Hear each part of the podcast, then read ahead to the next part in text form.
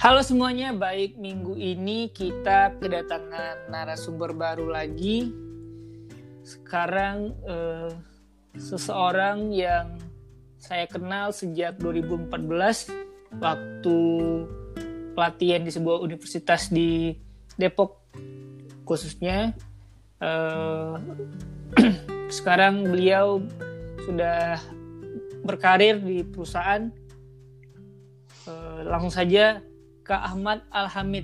Saya dulu Kak buat teman-teman yang dengerin podcast kita minggu ini. Ya, halo semuanya. Halo Yayo. Terima kasih udah diundang buat eh, ngobrol-ngobrol ya. Iya, iya. Apa kabar Kak sekarang? Alhamdulillah baik. Ini tadi eh, WFH kan. Jadi Iya, habis iya. WFH Oh. jadi kerja di rumah. Jadi ya, alhamdulillah sih sehat lah semua sehat. Mudah-mudahan semua juga sehat ya. Berarti lagi sekarang lagi sibuk eh, di di rumah kerja, nggak ke kantor gitu Kak? Iya, secara defaultnya sih di rumah ya. Cuma seminggu sekali biasanya diminta untuk datang ke kantor. Hmm. Beberapa perusahaan masih WFA, beberapa udah ke kantor gitu ya Kak? Apa gimana? Iya, sebenarnya Jakarta khususnya. Kalau di Jakarta sih eh, kayaknya sekarang 50-50 ya. Beberapa perusahaan eh, memang sudah ada yang WFO, tapi biasanya untuk perusahaan multinasional ya kalau aku perhatiin perusahaan multinasional lebih cenderung eh, lebih banyak WFH gitu. Karena mungkin lebih concern juga untuk antisipasi COVID kan. Kan ya Hmm. mungkin kan ada bule-bule juga ya. Jadi kayak lebih Iya. mereka lebih eh, ya mereka juga merantau jauh jadi mungkin butuh feeling safe-nya itu lebih kenceng dibandingkan kalau kita lokal ya Oke, oke, oke. Oke, Kak, minggu ini kita bahas terkait eh, karir nih, Kak. Kakak, yang Yayu tahu awalnya kan Yayu mau bahas tentang MT. Ya, Mm-mm. ya udah denger-denger denger dan nonton eh, YouTube juga yang Kakak ngobrol tentang MT di sana juga Yayu apa ya, ngulik juga di sana dan beberapa obrolan lainnya dari MT-MT yang lain gitu sebelum kita bahas ke sana ini kak sekarang ini kakak eh, posisi kerja di mana dan tanggung jawabnya itu seperti apa kak? ya kak Ya, yang kakak jabarkan kan cukup panjang ya juga nggak tahu ini seperti apa. Iya kalau sekarang eh, aku kerja di Repsol Indonesia jadi itu mungkin orang tahunya Repsol itu kan Repsol Honda gitu ya. Terkenalnya kan itu ya. Kalau sebenarnya di Indonesia tuh Repsol nggak cuma olinya nggak cuma di downstream gitu. Tapi di hulunya Ah. di industri eksplorasi migasnya tuh kita juga ada. Nah aku tuh di industri hulunya. Jadi simpelnya sih mungkin kayak Pertamina kayak Chevron Exxon. Jadi sejenis seperti itu. Nah kalau di posisinya sendiri aku eh, memegang community relation and social responsibility dan itu ada di divisi namanya stakeholder relations. Jadi singkatnya tuh mungkin seperti humas ya. Jadi humasnya perusahaan Oh. yang kita bekerja sama dengan eh, stakeholders kita, misalnya di level eh, provinsi kita dengan gubernur, level bupati, level kabupaten kota dengan bupati, kemudian kecamat, sampai di level desa gitu ya dengan kepala desa gitu. Jadi prinsipnya tugas kita Hmm. adalah eh, support gitu, support operasional dan memastikan eh, untuk segala halnya bisa berlangsung dan mendapatkan support dari masyarakat. Karena kan kita nggak mungkin bisa eh, sukses di field tanpa ada dukungan dari community. Nah, fungsi kita itu Hmm. memastikan community bisa support kita, memanage kalau ada konflik seperti apa, termasuk juga CSR-nya. Jadi CSR Hmm. juga termasuk aku yang pegang gitu. Jadi biar emak-emak nggak ngomel lah gitu selama kita ada operasi di field. Berarti eh, di Repsol itu udah berapa lama kak?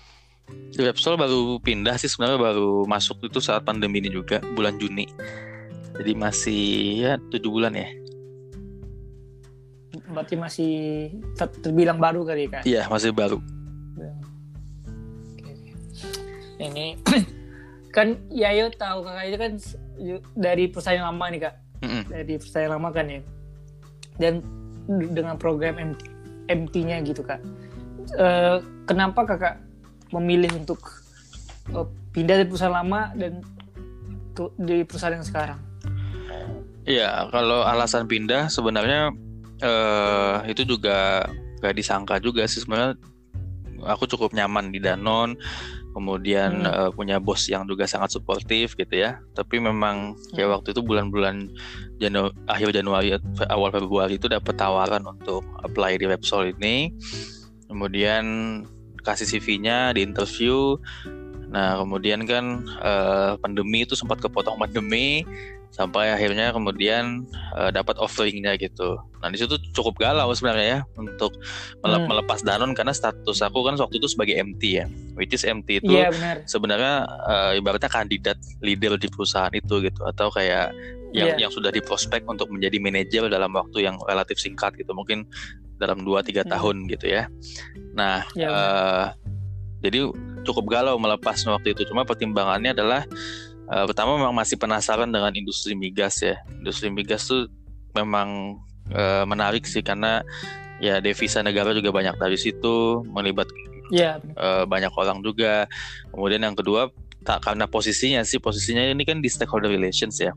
Karena aku kan latar hmm. belakangnya ilmu politik. Aku merasa yep. bahwa apa yang ditawarkan ini lebih dekat aja gitu dengan uh, jurusan dan juga impian jangka panjangku gitu. Jadi kalau kalau mungkin Yayo tahu atau beberapa teman-teman yang tahu dan kenal denganku mungkin tahu kalau aku memang masih ada keinginan untuk jadi politisi gitu. Tapi nanti tapi itu nanti kayak mungkin 15 tahun akan datang. Jadi memang fokusnya saat ini ke korporat gitu. Nah, jadi saat saat memilih itu uh, kemudian yang membuat akhirnya memutuskan pindah ke adalah uh, aku bertanya pada diri sendiri gitu ya, mana yang lebih mendekatkanku dengan mimpi jangka panjangku tadi. Jadi ketika ditimbang-timbang ya jawabannya mungkin uh, lebih baik mencari tantangan baru untuk di posisi stakeholder relations ini ya. Ya di samping benefitnya juga mungkin karena pindah kan biasanya kalau swasta tuh ya biasanya memang ada peningkatan gitu. Iya iya. Oke oke.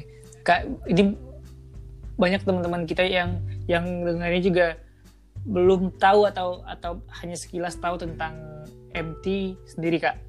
Nah, secara kakak pernah di MT Danon, secara secara umum deh kak, perbedaannya MT dan uh, orang yang uh, ngelamar di uh, reguler itu seperti apa kak? Secara umum aja. Iya, secara umum sebenarnya MT itu biasanya memang untuk fresh graduate ya. Jadi hmm. fresh graduate atau yang biasanya punya pengalaman kurang lebih dua tahun lah di perusahaan lain. Jadi masih singkat gitu, masih fresh yang masih bisa dicuci otaknya untuk ditanemin culture dan value dari perusahaan yang kita masukin. Nah tujuannya apa MT ini sebenarnya untuk mempersiapkan manajer atau leader dari perusahaan itu. Jadi perusahaan itu kayak invest ke kita, kita dikasih training, kita di di apa digembleng lah ya jadi uh, memang pressure relatif tinggi kan ekspektasi juga tinggi. Nah, cuma memang uh, dengan banyaknya beban dan tantangan yang diberikan ke kita kan otomatis juga pengembangannya juga mungkin bisa lebih cepat.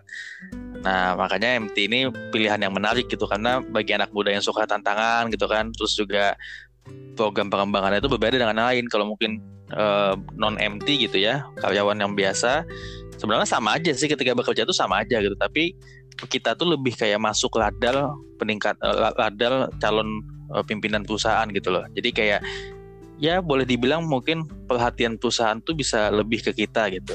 Karena memang kita statusnya sebagai MT tadi. Walaupun ya setelah nanti sudah lulus MT-nya kayak di Danon kan aku setahun programnya.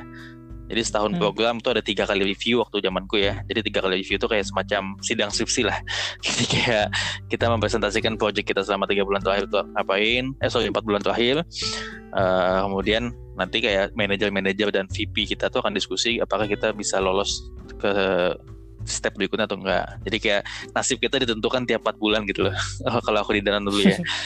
Nah, jadi ya itulah uh, dinamikanya lebih mungkin lebih menantang dan ya tadi ada akselerasi untuk uh, menuju leadership tim leadership atau tim manajemen dari perusahaan. Itu kalau misalkan dari empat bulannya ada yang misalkan katakan uh, seperti sidang skripsi gitu kayak kalau misalkan ada yang gagal gitu nggak nggak sesuai dengan standar yang diinginkan perusahaan itu gimana kak? Kalau gagal fail, maka kontraknya diselesaikan. Keluar. Keluar. Oh, oh gitu. Wow.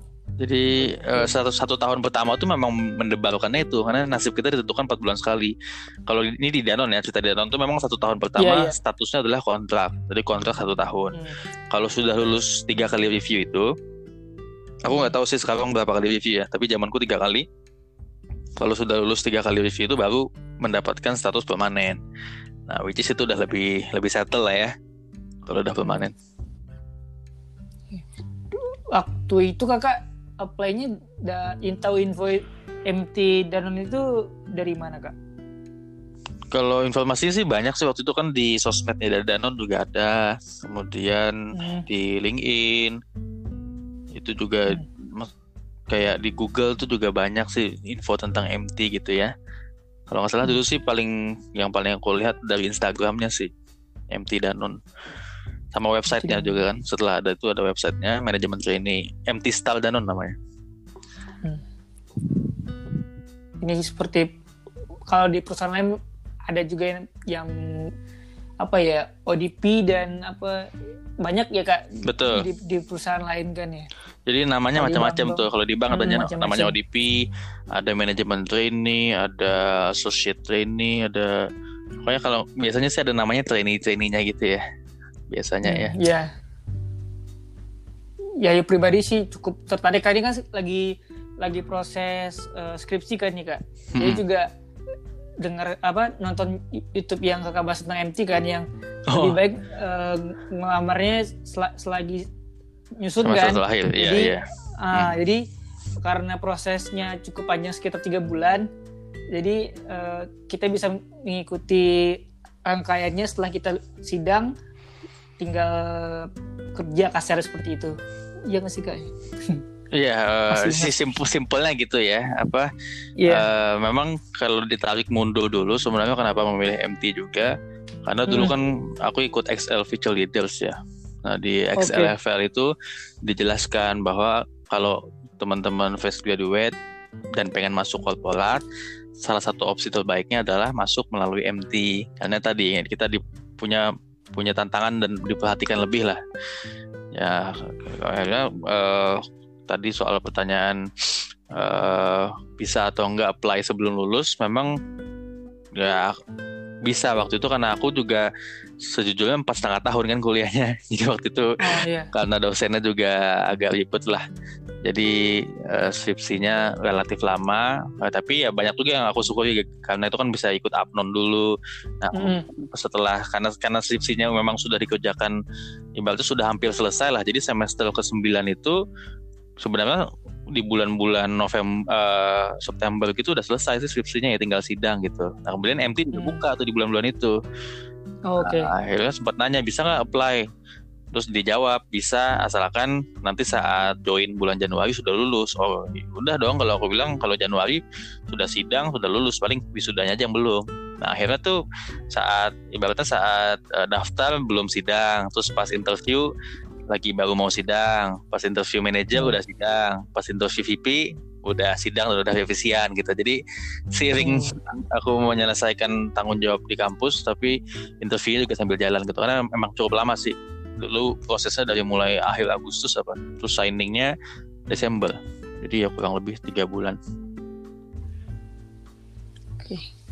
Ini kita coba keluar dari MT nih kak untuk untuk yang pribadi sama teman-teman yang fresh, eh, fresh graduate atau sedang nyusun juga nih kak. Mm-mm. kriteria secara umum yang dibutuhkan perusahaan apalagi kan sekarang ya ya, kalimat standar banyak eh, job seeker gitu nyari kerja susah ya kan ya kayak iya kriteria khusus apa atau umum apa yang yang yang dibutuhkan banyak perusahaan apalagi perusahaan multinasional sepertinya.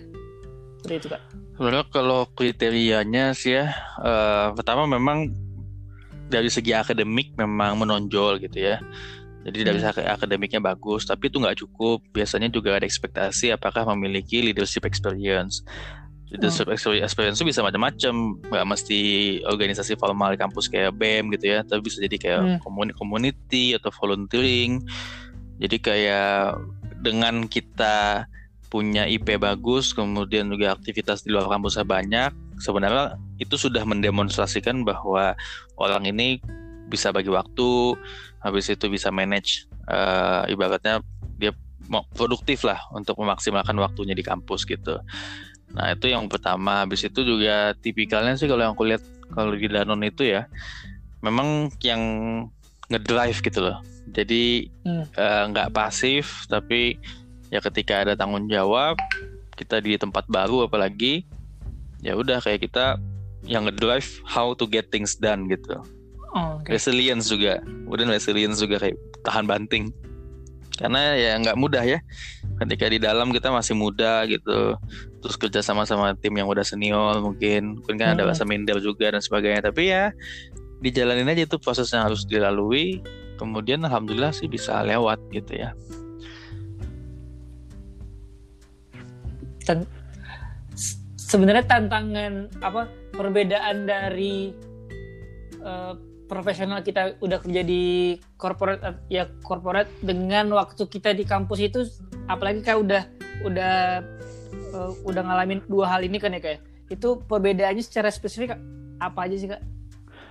Perbedaan mendasarnya kan kalau di dunia korporat atau di, di udah uh, di dunia kerja gitu ya. Mm. Kita kan working across generation, itu yang paling beda. Kalau kita di kampus mungkin semuanya seumuran dengan kita. Ini kita yeah. beda beda-beda ya di generasinya. Nah, which is itu akan uh, kita menghadapi juga karakter orang yang semakin beragam juga. Kan namanya udah tua atau yang mungkin ada yang muda juga dibanding kita. Ya lebih beragam lah habitnya latar belakang udah udah semakin beragam. Kalau kita mungkin di jurusan kan setipe lah. Ini satu jurusan. Ini nanti kita di dunia korporat punya banyak divisi, departemen itu apalagi kalau organisasinya gede ya. Itu kayak kita bisa ya, ditantang untuk bekerja lintas departemen, lintas divisi. Jadi serunya di situ juga sih jadi kenal orang baru, kenal banyak ilmu baru. Nah, that's why aku sangat menyarankan sih untuk teman-teman yang udah di akhir masa kuliahnya cobain aja sebanyak-banyaknya magang gitu. Karena hmm. itu yang membantu kita transisi dari dunia kampus menuju pasca kampus. Karena kan kalau udah di magang tuh akan ngerasain kan oh ini nih situasi di kantor. Oh ini nih kayak mesti duduk 8 jam. Jam 8 sampai jam 4 depan laptop gitu kan. Awkward untuk melakukan hal lain. Kalau di kampus kan kayak kita ya udah kita nentuin waktu kita sendiri kan. Kalau sekarang yeah, kan yeah. kita diliatin apalagi kita digaji gitu. Jadi kayak kita bekerja ya karena kita dibayar untuk itu gitu jadi iya. kayak pilihan kita nggak seluas ketika kita di kampus. Nah itu juga sih yang paling membedakan. Kalau di kampus tuh pilihan kita tuh luas gitu kayak mau ngapain ke istirahat, mau nongkrong dulu, mau kelas juga keluar dulu gampang. Ya kalau sudah kerja kan ibaratnya kesalahan kita tidak se ditolerir itu gitu kalau kita di kampus ya. Jadi disiplinnya masih bagus, ya komitmen sih sebenarnya ya. Komitmen kalau udah kita memilih di situ ya kita deliver apa yang memang diekspektasikan. Oh, oke okay, oke. Okay. Terus kakak secara pribadi nih kak, ada tips gak buat temen-temen yang ingin melamar di perusahaan apa aja sih yang perlu mereka persiapkan? Ya kalau yang mau ke dunia korporat ya atau sama aja sih sekarang startup iya, juga. Iya. Sebenarnya prinsipnya sih ya maksimalkan waktu di kampus, banyakin pengalaman ya kalau uh, ibaratnya gue juga paham maksudnya menghargai banyak orang kan juga punya kelebihan masing-masing hmm. ada yang kayak akademiknya mungkin nggak terlalu menonjol nah udah sadar diri itu kalau akademiknya kurang misalnya optimalkan di hal lain misalnya kegiatan ekstra kampusnya banyak dia aktif dia ikut uh, ya volunteering atau ikut online course hmm. sekarang kan juga banyak yeah, juga yeah. nih online course yang punya sertifikat itu kan juga meningkatkan value. Jadi yang paling penting sebenarnya mulailah berpikir untuk membuat edit value ya. Hmm. Karena persaingan makin ketat, jadi yang punya edit value yang kira-kira nih bakal lebih uh, menonjol ya untuk bisa dipilih gitu. Jadi ke punya keunikan sendiri. Nah, makanya kayak magang itu kan nggak mesti magang uh, mata kuliah doang hmm. gitu. Walaupun mata kuliah punya kewajiban satu kali magang misalnya, ya kita nggak nggak mesti hanya satu kali hmm. gitu. Artinya teman-teman bisa dua kali, bisa tiga kali. That's uh, your choice gitu. Dan itu malah semakin banyak kan semakin hmm. kaya hmm. jadinya apa yang dimau dari dari situ bisa modal lah untuk melangkah lebih jauh ya peluangnya makin kebuka gitu. Oke. Ini pertanyaan di luar di luar karir nih kak, tapi ter terlintas di di di otak ya kan kakak tadi bilang eh, 10 atau 15 tahun lagi ingin ber- berkarir di politik gitu ya kayak. ya. Iya. Eh, apa namanya? Kenapa memilih jalur korporat? Kenapa nggak milih jalur eh, yang dekat dengan politik seperti ya pernah juga dengan narsum dari staf DPR kan ya kayak seperti itu. Kakak Mm. Apa nggak tertarik di hal yang emang dekat dengan dengan politik seperti itu kak? Ya itu pertanyaan exact yang ditanya waktu aku interview dengan VP HR di Oh, Danone. oke. Jadi ini interview terakhir di Danone salah satu pertanyaannya itu kayak cita-citanya apa? Aku jawab kan cita-cita politisi gitu. Wah unik juga nih orang nih. Pengen jadi politisi tapi pengen masuk Danone gitu Iya. di HR. Lah kenapa? Emang kenapa nggak PNS aja? Kenapa nggak di Ah. Sebenarnya sih jawabannya karena aku sudah memantapkan diri bahwa eh, untuk saat ini fokusnya di korporat dan kenapa tidak memilih di jalur lain misalnya karena aku juga melihat bahwa masuk politik itu butuh tahu apa yang diperjuangkan gitu. Kalau misalnya aku lulus langsung ke politik, aku nggak tahu di dunia itu kan banyak Hmm. luas ya, terlalu luas gitu. Jadi ngapain masuk politik tapi belum tahu misinya ngapain, apa yang diperjuangkan belum tahu. Jadi kayak aku lebih banyak memilih untuk menjadi politisi yang berlatar belakang teknokrat gitu. Karena udah banyak contohnya kan Jokowi, Ridwan Kamil, Hmm. eh you name it lah banyak contoh-contoh yang malah mungkin secara kinerja juga lebih bersaing gitu. Nurdin Abdullah juga bagus kan dari profesional. Anis ya banyak lah dari profesional. Jadi eh, jawabannya juga adalah untuk masuk di politik itu bukan ja- jabatan karir Hmm. gitu. Politik itu adalah jabatan elektoral.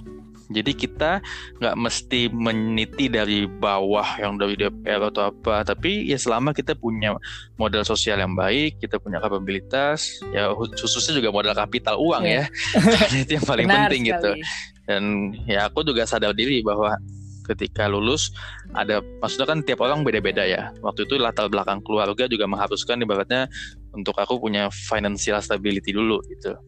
Jadi prioritasnya ditentukan oke. Kalau gitu gue harus cari yang lebih stabil dulu secara finansial which is memilihnya oke lah ke korporat terus habis itu nyemplung dulu di situ mungkin 15-20 tahun dan sebenarnya aku juga bukan tipikal yang oh mimpi itu harus stick Hmm. gitu aku sih percaya bahwa mimpi itu juga dinamis artinya kita semakin dewasa semakin berjalan waktu kadang tuh kita makin melihat dunia tuh lebih luas Hmm. gitu ada opportunity baru ada kesempatan lain kayak makanya memang aku sekarang bisa bilang masih ada keinginan dari politisi. Tapi nggak ada yang tahu gitu. Who knows? Mungkin udah keenakan di korporat terus akhir tuh kayak nggak nggak pengen lagi. Tapi ya so far sebenarnya simpelnya sih kayak banyak juga kan orang yang kerja di korporat dia cita-citanya di pengusaha gitu. Mm-mm. pengennya dapat ilmu dulu habis itu dia keluar dia bikin usaha. Sebenarnya sama tapi gue next step lagi gitu loh. Jadi eh, korporat dulu mungkin kalau kalau ada kesempatannya ya bikin usaha ya setelah udah lumayan settle punya passive income yang baik ya why not untuk bermanfaat melalui politik gitu Oke. Oke, oke. Kak, ya mau cerita sedikit pengalaman nih, Kak. Yes. Iya. C- Cerita dan, dan nanya nih, Kak. Khususnya eh, ini baru kemarin nih, Kak. Kemarin kan ya ny- nyambil lagi penelitian untuk untuk untuk skripsi kan. Apply apply ber- di beberapa perusahaan. Nah, salah satu salah satunya kemarin di ditelepon untuk interview untuk posisi eh, human capital analyst gitu kayak di, di, di salah satu perusahaan deh di Hmm. Jakarta. Nah, waktu itu di kata HR-nya interview harus ke Ja- Jakarta gitu kayak. Sebenarnya Hmm. untuk ya pribadi atau pelamar itu boleh nggak sih kak memberikan opsi untuk interview via telepon atau via zoom seperti itu apakah diperbolehkan kak atau seperti apa kak sebenarnya saya ini ini ya pribadi ini baru pengalaman per perdana kali ya di di di telepon untuk interview dari pihak perusahaan gitu kak. Berarti awalnya Yayo yang apply dulu ya? Iya, iya apply dulu. Habis itu dia proses mungkin dipanggil gitu ya. Iya, Terus iya. disampaikan bahwa harus ke Jakarta. Mm-mm. Sempat nanya nggak tapi? Maksudnya Yayo tuh di Padang gitu. Sempat Oh. ngomong nggak? Eh, mbaknya waktu itu nanya masih eh, masih dalam proses skripsi ya masih ya ya mbak posisinya posisinya sekarang di mana di Padang oh gitu Eh, bisa untuk interview di Jakarta nggak mbak Eh, kata dia kan "Eh, sekarang Hmm. saya di di di Padang mbak walah katanya terus setelah itu kan ya aku kepikiran untuk opsi yang tadi ya tanya ke itu setelah selesai obrolan ya obrolannya kak tapi setelah waktu itu kayak Iya, karena kadang kan kalau Ah, pas lagi di telepon masih shock Ah. sekaligus excited gitu ya. Iya benar. Jadi belum belum bisa banyak ngomong gitu. Wajar sih. Kak, sebenarnya eh, pertama kan dipastiin dulu ya itu yang nelpon itu Ah, dari HR-nya perusahaan langsung atau dari headhunter. Oke. Jadi kita kan tahu ada namanya headhunter. Jadi headhunter tuh kayak dia pihak ketiga yang nyari talent Hmm. sebenarnya tapi ketika udah diinterview sama dia kita tuh akan di kasarnya kayak kita tuh akan dikasih ke perusahaan yang jadi kliennya Hmm. dia gitu loh. Hmm. Jadi kayak dia kayak ya maklarnya lah kasarnya gitu. Oh, iya. Nah, eh, dan terbuka aja kalau memang oh itu dari perusahaannya langsung.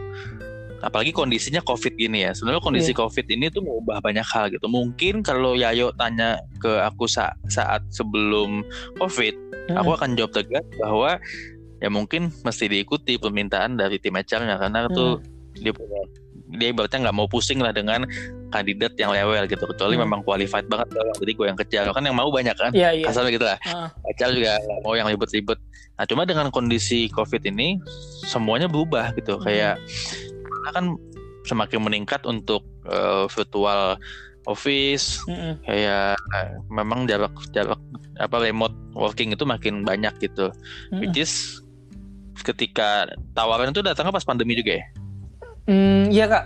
Baru kemarin di telepon.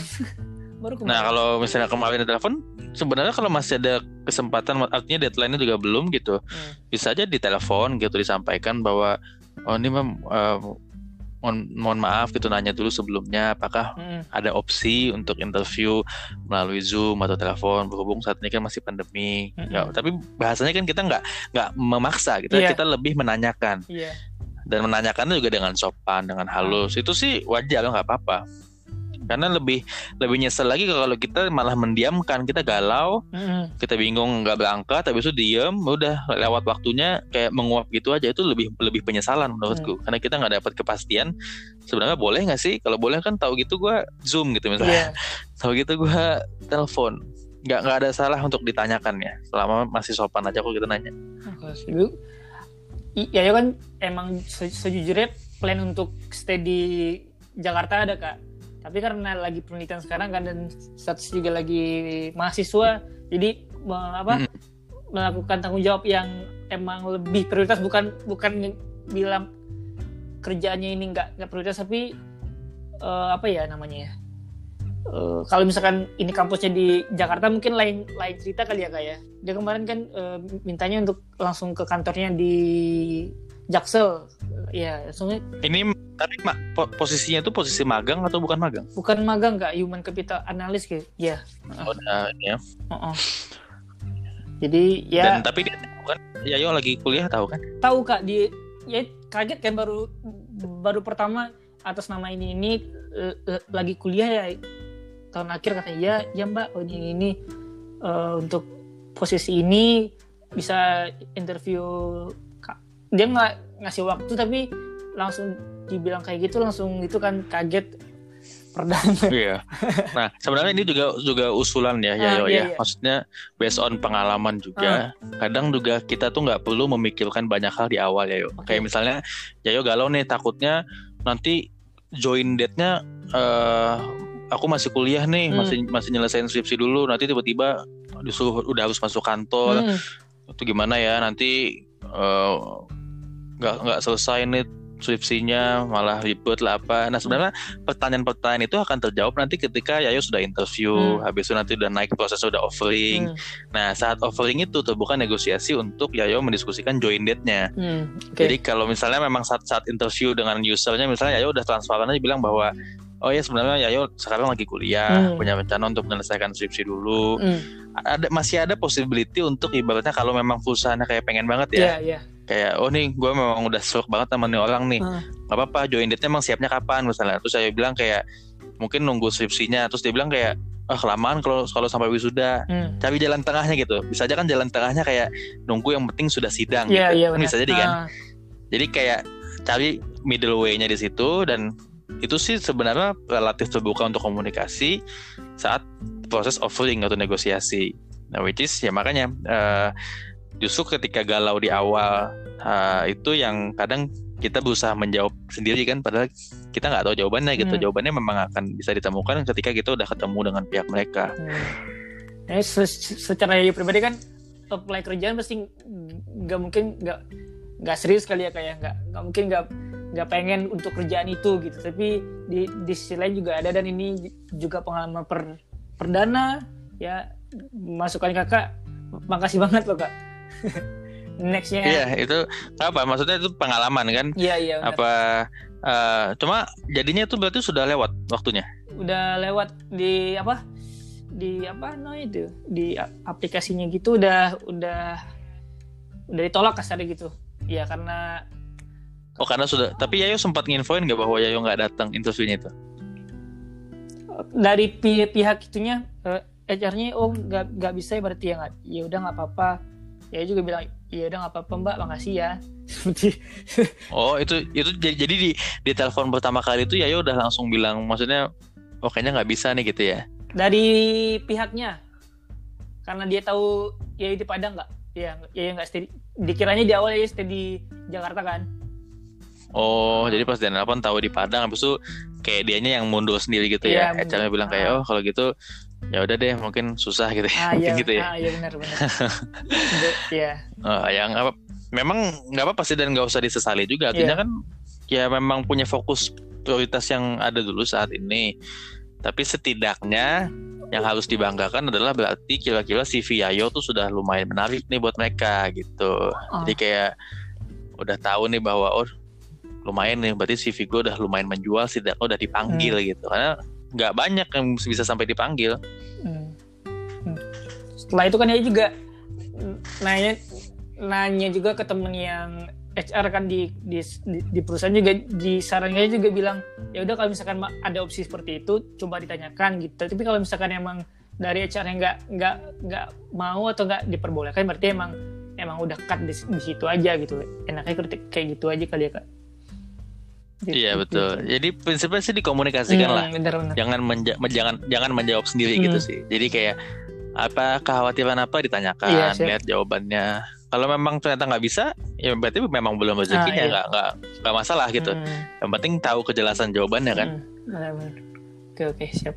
Ini kita wah terima kasih nih kak masukkan lagi. Saya Iya. setelah setelah di telepon itu kan mikirnya sampai malam sih kak itu beneran deh. Kayak ah, kenapa gue nggak nggak kenapa gue nggak nanya hal ini ya? Maksudnya kenapa gue nggak nanya untuk interview zoom atau via via telepon gitu tapi ya udahlah nggak apa-apa pengalaman ini Ya, next. tapi itu nggak di- nggak bisa di- nggak bisa disalahkan juga ya karena gue memahami gitu apalagi pertama kali di, di Mm. telepon HR Iya. wah itu juga dulu gue gugup banget langsung kayak kayak gimana ya ibaratnya tuh agak excited berlebihan Iya, iya. tapi habis itu mencoba menahan Iya, supaya di telepon tetap impressing gitu kan Iya benar. Nah itu itu tuh memang akhirnya tuh membuat apa yang secara rasional kita pikirin tuh nggak Iya keluar iya. jadi itu wajar tapi kan mungkin nggak tahu Kak, kalau misalnya masih bisa di call back gitu kan. Nah itu ada opsi lah. Tapi ya udah yang lewat, oh wait, yo wis gitu nggak masalah karena memang mungkin dia nyarinya nih base di Jakarta kan. Hmm, Oke. Ki- Kita next nih kak biar biar kita singkat lagi eh, podcast ini kak. A- eh, Iya. a- Ada hal yang belum Yoyo tanyain nggak? Yang ada hal yang belum Yoyo tanyain tapi mau kakak sampein di podcast ini nggak buat teman-teman yang dengerin podcast kita? Ya mungkin eh, karena situasi pandemi kan banyak hal berubah ya. Hmm. Artinya eh, banyak pekerjaan yang hilang, tapi banyak juga peluang yang muncul.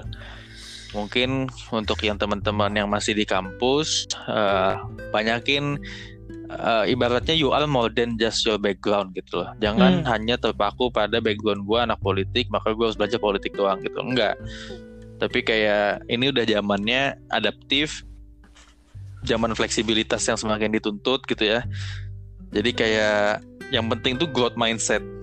Hmm. Oke, ini ada uh, ada peluang baru, walaupun itu berbeda dengan jurusan gue, tapi kayaknya menarik untuk dipelajari. Ya udah pelajari gitu. Hmm nggak masalah. Jadi kayak justru semakin era sekarang kayaknya perlu banyak dibuka aja kesempatan bisa jadi kayak anak biologi jadi anak marketing hmm. anak filsafat jadi anak sales gitu. Nggak nggak masalah gitu. Kalau memang pengen mencoba hal baru ya. Hmm. jadi nggak nggak jangan kaku gitu loh. Selama masih ada rasa penasaran coba.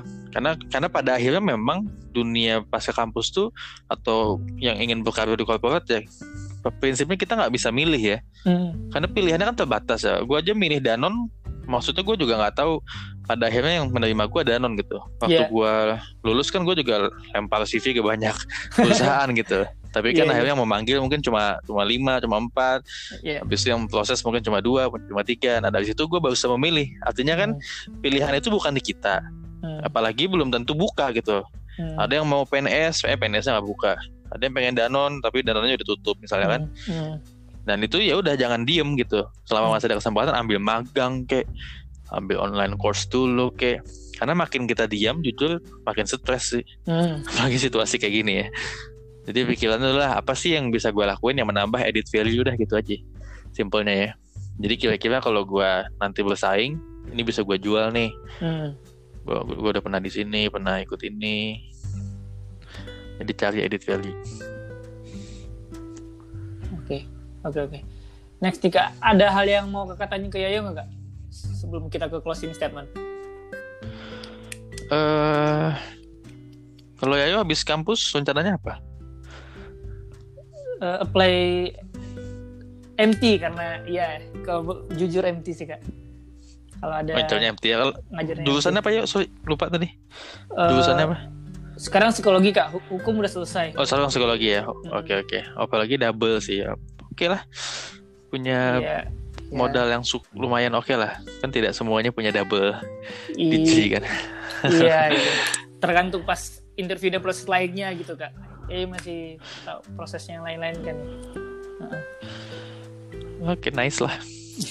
Bismillah sih kak ya. Dico. Baru. Iya dicoba dulu aja. Coba dulu benar-benar. Oke siap. Tergantung siap. apa tergantung ini juga kan apa yang vacant gitu loh. Ah. Jadi kalau menurutku dalam situasi sulit gini jangan terlalu picky juga gitu. Hmm. Jadi kayak lihat aja apa yang LinkedIn yang buka, lihat job street, lihat kaliber pokoknya semua akun-akun itu coba dilihat mana yang kira-kira kita masih memiliki minat coba aja dulu ya, try CV kita yang mana sih yang dipanggil gitu cuma ya tadi apa jangan juga apply semua tapi akhirnya bingung sendiri kan kalau hmm. misalnya nggak tahu takut gitu pas dipanggil malah takut kayak wah hmm. gue takut ah nggak jadi nah itu malah jelek kita sendiri nanti nama kita hmm. kan iya iya ya ya pribadi lebih lebih prefer ke apply yang perusahaan yang pertama ya tahu perusahaan tahu tahu perusahaannya yang kedua minimal kalau nggak tahu ya cari tahu dulu kalau misalkan sesuai dengan perusahaan dengan posisinya baru apply gitu. Saya juga banyak juga kan teman-teman yang apply ya apply apply aja gitu kan. Apa pun apply gitu. Ya nggak nggak mau yang kayak gitu kan jadi nggak menyebar jaring banyak tapi nggak tahu jaring itu ke mana-mana aja gitu kasarnya gitu. Nggak tahu iya, itu benar dan nggak tahu itu salah. Depresi uh, aja kali. Banyak banyak nggak apa-apa. Asalkan ketika memang dipanggil ya kita ambil gitu. Iya iya ada hal yang mau katanya lagi nggak? Udah mau keluar nih. Kalau ini Oya Talks ini mayoritas yeah. pendengarnya dari mana aja? Dari statistiknya mayoritas di Indo terus di US kak. Lebihnya beberapa negara tapi nggak nggak nggak terlalu besar persentasenya. Kayak di, usianya nggak sih? Usianya mostly berapa? Usianya ah ada sih tapi range-nya 17 sampai 30 kali ya.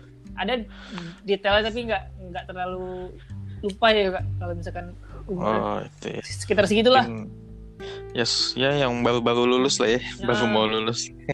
paling tua 30 35 kali ya bagaimana ya kita Iya bisa jadi sih. kita segitu ini udah ini udah udah mau setahun kali ya semenjak April mau setahun ya Oh iya. Lama juga. Hebat juga udah udah banyak episode berarti. ya. ini episode yang ke 32 Wih, iya 32 ngeri. Banyak coy. enak ngobrol-ngobrol kan sekalian nambah eh informasi baru buat y- Yayo pribadi dan temen-temen juga yang dengerin nggak Iya sih betul. Perbaiki CV lah pokoknya kalau yang mau lulus sudah mulai mempercantik CV, mempercantik LinkedIn. Jadi jangan sosmednya doang nanti IG-nya bagus gitu kan. Fitnya dirapiin tapi LinkedIn-nya berantakan. iya nah iya itu iya sudah, sudah mulai diperhatikan lah. Mumpung belum benar-benar lulus. Eh, ada dua saran nama nggak kak buat kakak rekomendasiin untuk ngobrol di podcast ini untuk nextnya kita udah yang kakak kenal nih ada kak kak, kak Jawad ada Ajos sudah Ajos Ajos Eh, sudah ya. Kak Anif yang staff DPR ada Sebenarnya Ada tergantung Yayo butuhnya maksudnya untuk topik apa gitu karena kalau banyak sih ya tergantung tadi maunya bahas apa terus nanti ada orang yang sesuai untuk itu gitu. Iya sih ya. Kalau misalkan nih kak, terlintas aja deh Kak- kakak dua nama kakak yang kenal dan ya random aja gitu kak dua nama. Ada nggak? Dua nama kalau kayak teman gue yang sering-sering kan mujab lah udah mainstream lah ya. Ah, Deka Deka tuh boleh tuh dia lulusan China manajemen ah, di oke. Nah, mungkin bisa bahas tuh gimana sih prospek eh, ibaratnya eh, China is the future kan kayak menurut dia Hmm, tuh gimana sih kita mesti bisa adaptif menyaingi China yang kayaknya akan segera menyalip US ya macam-macam lah macam-macam topik yang bisa dibahas Oke oke. Kita ke tahap terakhir nih kak dari podcast ini yaitu closing statement. Closing statement dari Kak Ahmad Alhamid dipersilakan kak.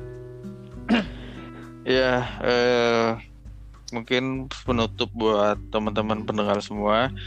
Jangan patah semangat dengan situasi pandemi ini.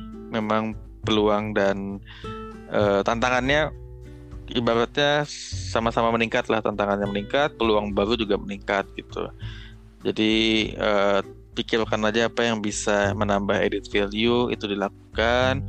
Kalau memang lagi stres gitu ya memang butuh overwhelm banget dengan situasi pandemi ini ibaratnya don't push too hard juga kayak Hmm. sometimes kita butuh diam butuh merefleksikan lagi.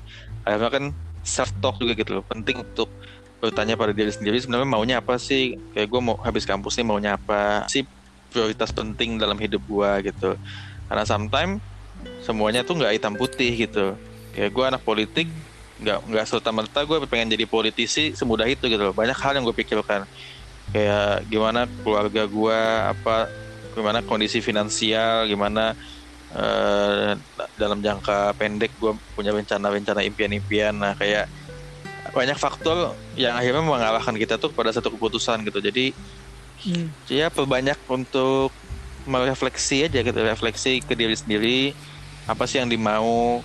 Kalau simpelnya kayak ada ikigai ya ini mungkin agak panjang lagi ntar pokoknya Hmm. Ya, ada namanya konsep ikigai, coba di googling aja itu apa, cari jalan tengahnya gitu. Mungkin yang galau pengen pengen eh, mau ke startup, mau korporat atau mau jadi dosen, coba aja lihat Hmm. konsep ikigai itu. Nanti kita mau tuh titik tengahnya sebenarnya apa sih yang kita mau, Nah, baru tuh dicari nanti. Jadi kayak nggak semuanya mesti kita ambil tuh yang disenangi gitu. Ada part-part yang kita nggak senang, tapi kayak ada part yang kita senang juga. Nah, selama itu masih ibaratnya cukup menantang buat kita, ya wis growth mindset aja, sikat, belajar baru, take it gitu. Jadi semangat lah untuk menuju pasca kampus dan jangan khawatir semua ada rezekinya masing-masing dan punya pet masing-masing. Oke. Oke siap. Thank you banget Kak buat waktunya nih Kak. Oke, sama-sama. Thank you. Sampai di sini udah hujan nih Kak ini takutnya audio kita ya? udah ya hujan ah kacau sih tapi nggak apa-apa. Thank you banget Kak buat waktunya sekali lagi ya Kak ya. Oke. Maaf kalau misalkan ada rada-rada ngaco apa gimana gitu. Semoga eh semoga bisa ngobrol-ngobrol nih Kak. Iya, nggak apa-apa. Semoga sukses juga Yayo secara personal dan untuk podcast juga nih. Semoga berjaya dan produktif selalu. Siap siap. Kakak juga semoga lancar kerjaannya di walaupun WFH kan ya. Iya, WFH. Lancar-lancar. Sekali lagi Kak, makasih banget juga dan makasih juga buat teman-teman yang dengerin podcast kami minggu ini. Dan sampai jumpa. Makasih Kak. Amin. Selamat malam, sampai jumpa. Assalamualaikum.